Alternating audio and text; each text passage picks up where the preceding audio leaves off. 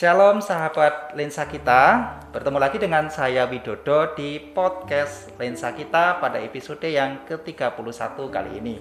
Masih dalam rangka memperingati kemerdekaan Republik Indonesia yang ke-76, kita masih berbicara tentang perjuangan. Nah, saat ini juga podcast lensa kita sudah kedatangan bintang tamu. Beliau adalah seorang ibu yang juga berjuang dalam konteksnya, baik di tengah-tengah keluarga maupun dalam kehidupan sehari-hari. Langsung saja kita akan sambut beliau, Ibu Wiji Lestari. Selamat datang, Bu. Terima kasih Mas Wid sudah mengundang saya di lensa kita kali Iya. ini. Gimana kabarnya, Bu? Baik Mas Wid, Sehat ya, Bu ya? amin Iya. puji Tuhan. Nah, yang dalam kondisi seperti ini kesehatan itu sangat mahal harganya. Nah, kalau kita masih bisa bertemu di episode kali ini itu karena anugerah dan cinta kasih Tuhan. Ya. Kata merdeka selalu diawali dengan proses perjuangan yang dilakukan. Demikian juga dengan bangsa kita yang sudah merdeka selama 76 tahun. Tentunya sebelum merdeka ada banyak perjuangan yang dilakukan oleh para pendahulu kita untuk merebut kemerdekaan bagi bangsa ini. Pun demikian, dalam suasana yang sudah merdeka ini apakah kita juga lepas dari perjuangan? Tentunya tidak. Perjuangan dalam konteks yang berbeda pastinya. Berjuang di dalam keluarga, berjuang di dalam memenuhi kebutuhan keluarga, berjuang dari tantangan-tantangan hidup yang sedang dialami. Nah, demikian juga dalam konteks saat ini. Nah, Bu Wiji, kira-kira eh, menurut Bu Wiji apa sih bentuk perjuangan yang masih harus kita lakukan baik secara pribadi, keluarga atau mungkin tetangga-tetangga sekitar kita saat ini, Bu?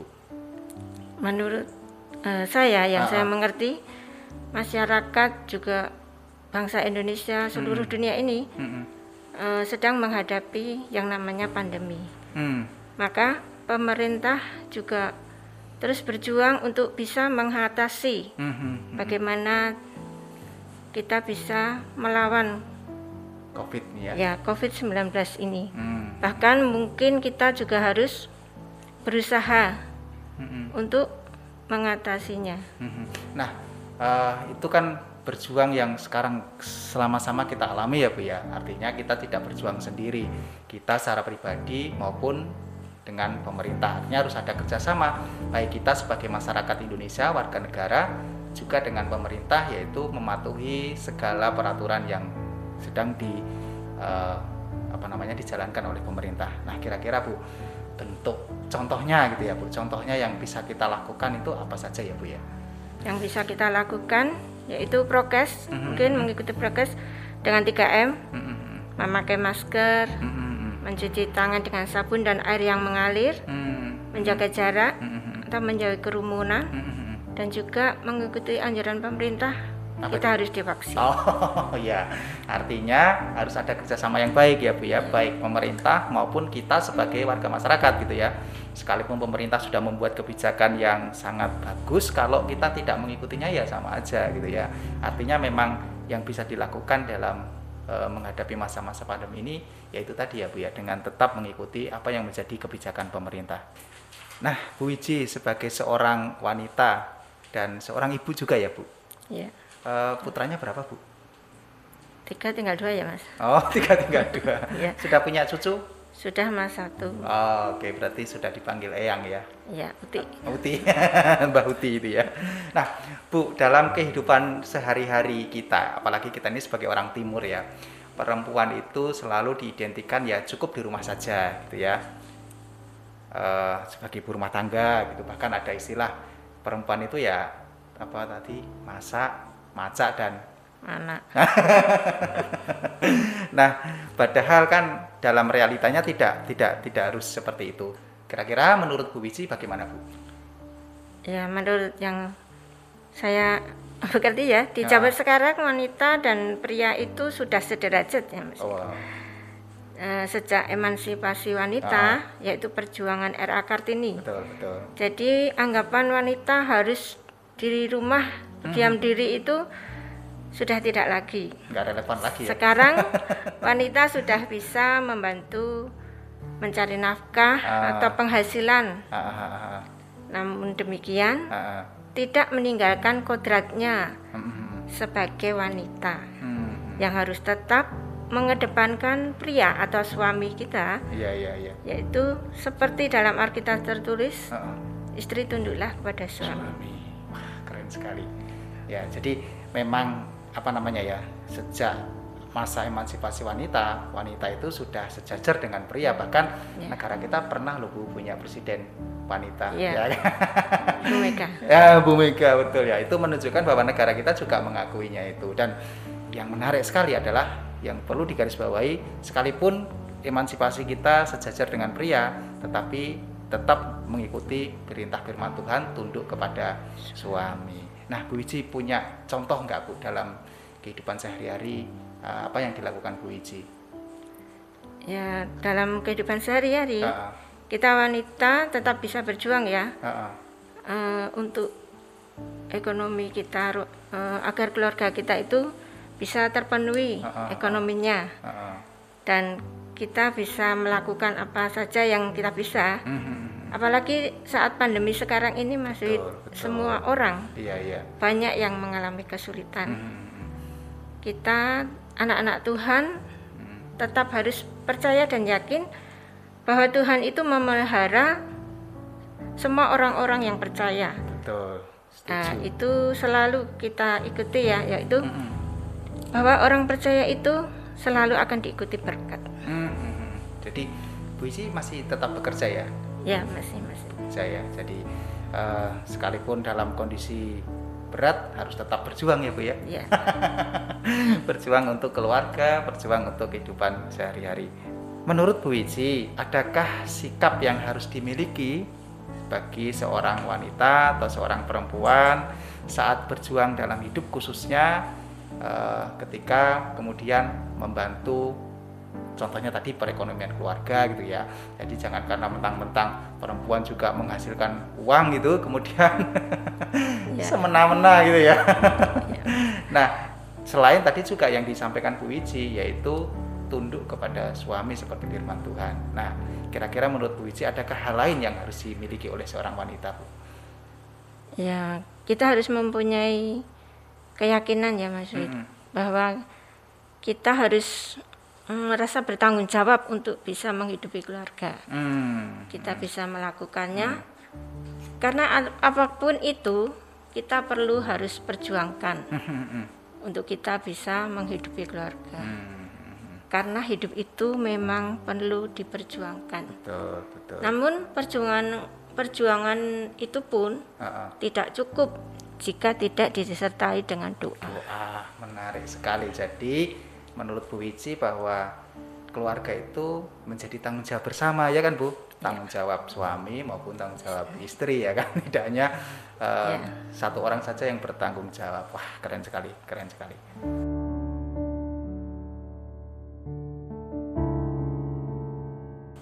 Di dalam Alkitab juga ada seorang perempuan yang juga berjuang luar biasa, baik untuk dirinya sendiri maupun untuk keluarganya, yaitu Ruth.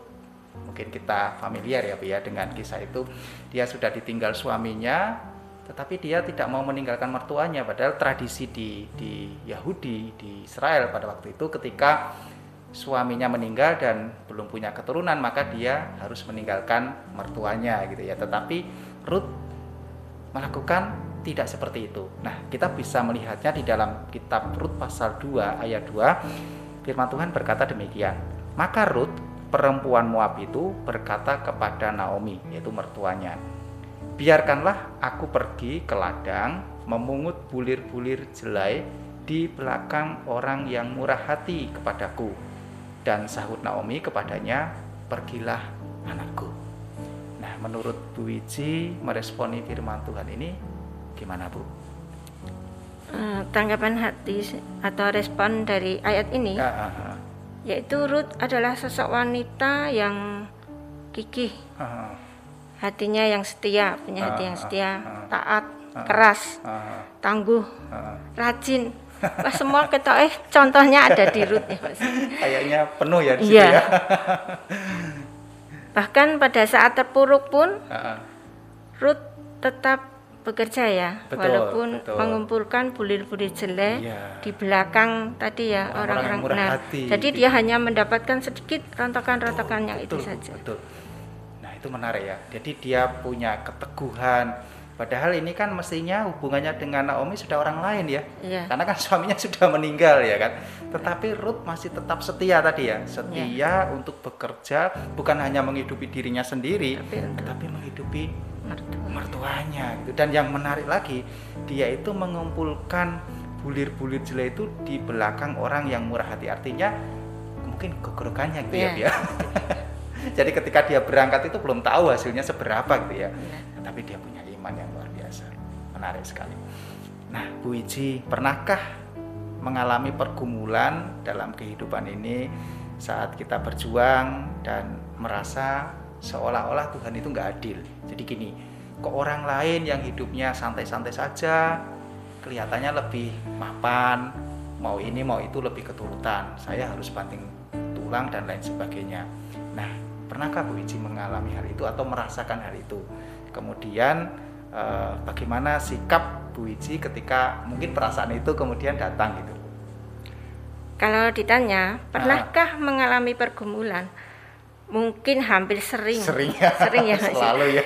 Karena pergumulan itu merupakan kendaraan bagi orang percaya. Wah, kendaraan untuk apa Bu? Ya, supaya kita itu bisa diproses, dibentuk lebih baik. Oh, ya ya ya. Ya, kalau tetap eh, prosesnya baik dan kita tetap percaya Hmm, bahwa Tuhan yang pegang kendali atas diri kita. hmm, hmm, Tapi kalau pikiran manusia pasti merasa Tuhan tidak adil. hmm, hmm, hmm, Tetapi saat kita mempercayakan semuanya itu kepada Tuhan, hmm, respon kita, kita harus melakukan bagian kita. hmm. Maka Tuhan yang akan melakukan dan bertindak menurut bagiannya. Wah, keren. Jadi eh, wajar ya manusia itu kadang berpikir, wah Tuhan nggak adil gitu ya. Kita kan sama-sama berdoa, sama-sama beribadah, tapi kok dia kehidupannya mungkin lebih enak gitu. Tetapi yang menarik tadi yang sampaikan Bu Iji bahwa pergumulan itu satu kendaraan untuk kita diproses Tuhan gitu ya. Semakin dewasa secara iman dan mempercayakan hidup kita kepada Tuhan bahwa Tuhan itu memelihara hidup kita. Menarik sekali.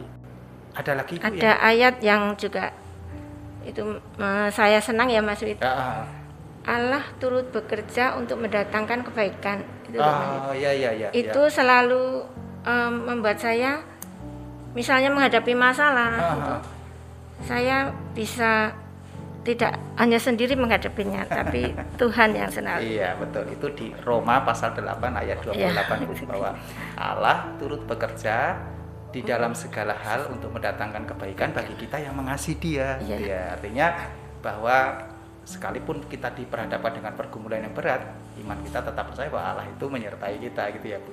Iya. Dan itu yang kemudian menjadi kekuatan kita ya Bu ya. Terkadang di dalam kita berjuang, di dalam kita berusaha, kita itu seringnya lebih mengandalkan kemampuan kita ya Bu. Karena kita merasa bisa, merasa mampu dan lain sebagainya. Nah, menurut Bu Iji, seberapa penting kemudian kita mengandalkan Tuhan dibandingkan dengan mengandalkan kemampuan kita sendiri? kalau kita hanya mengandalkan diri kita sendiri itu Hmm. mungkin sia-sia ya Mas. Hmm. jadi sangatlah penting untuk kita dalam memperjuangkan apa pun ya langkah hidup kita itu kita harus mengandalkan Tuhan Hmm. hidup ini memang harus diperjuangkan Mm-mm. untuk kita tetap andalkan Tuhan. Hmm, hmm, hmm.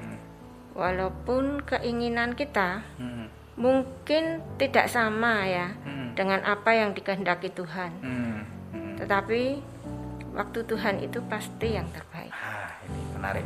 Jadi memang kadang-kadang kita itu sering terjebak kepada antara keinginan dan kebutuhan ya kan.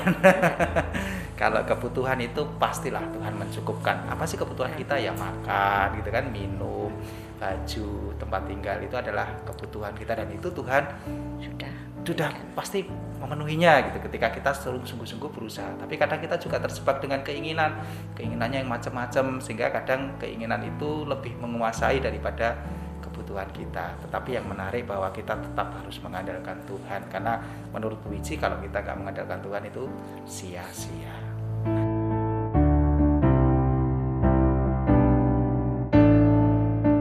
Kalau kita berbicara tentang perjuangan hidup itu memang selama kita hidup terus berjuang ya Bu ya. Ya. Dan selama kita hidup juga terus dihadapkan dengan pergumulan-pergumulan. Dan menarik sekali kalau kita berbicara tentang hal-hal ini. Tetapi sayang sekali eh, perbincangan kita harus kita akhiri Bu Wiji karena ak- waktunya sudah habis. Terima kasih Bu Wiji sudah hadir di podcast Lensa kita. Gimana Bu kesannya, perasaannya Bu?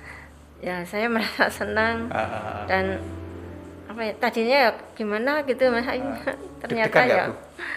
eh, menyenangkan ya menyenangkan bahwa di sini memang menyenangkan Bu. Iya. Sahabat lensa kita, kita sudah sampai pada penghujung episode kali ini.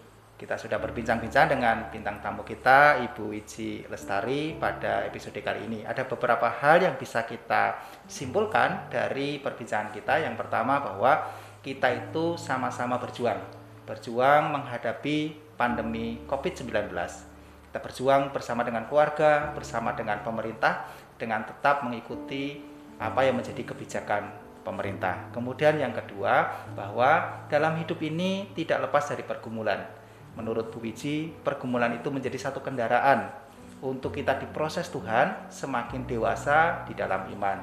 Dan yang terakhir, bahwa di dalam kita berjuang, berusaha, dan lain sebagainya, ketika kita tidak mengandalkan Tuhan, maka itu adalah sia-sia. Jangan lupa untuk tetap mengikuti podcast Lensa kita yang akan tayang setiap minggunya di channel YouTube GKMI Solo dan Spotify Lensa kita. Dan satu lagi, tetap taati protokol kesehatan yang berlaku yaitu dengan memakai masker. Lalu apa lagi ya Bu? mencuci tangan dengan sabun dan air yang mengalir Hmm, terus menjaga jarak. menjaga jarak Kemudian apa lagi ya Bu ya? menjauhi kerumunan Nah, itu jadi lalu makan makanan yang bergizi dan cukup, Dan- olahraga gitu ya. Dan satu lagi yang pasti tetap berdoa kepada Tuhan supaya kita tetap dijagai dan dilindungi oleh Tuhan. Sampai jumpa di episode berikutnya dan Tuhan Yesus memberkati.